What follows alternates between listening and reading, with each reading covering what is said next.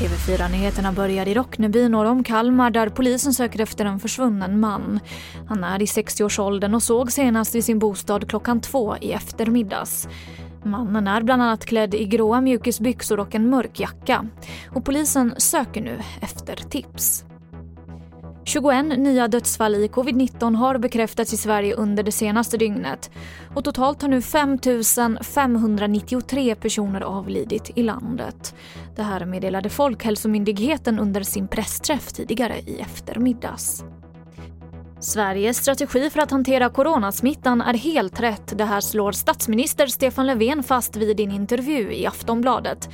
Han beklagar att pandemin skördat tusentals liv och uttrycker också en förhoppning om att medborgarna under sommaren kan resa på ett ansvarsfullt sätt. Det finns ändå inga garantier för att den andra vågens smitta inte kommer, säger statsministern. Och så kan jag också berätta att SJ nu drar ner på antalet bokningar efter att de fått kritik för trängsel ombord på tågen. De kommer att sänka antalet bokningsbara platser från 75% till 65 och det var det senaste från TV4 Nyheterna. Jag heter Emily Olsson.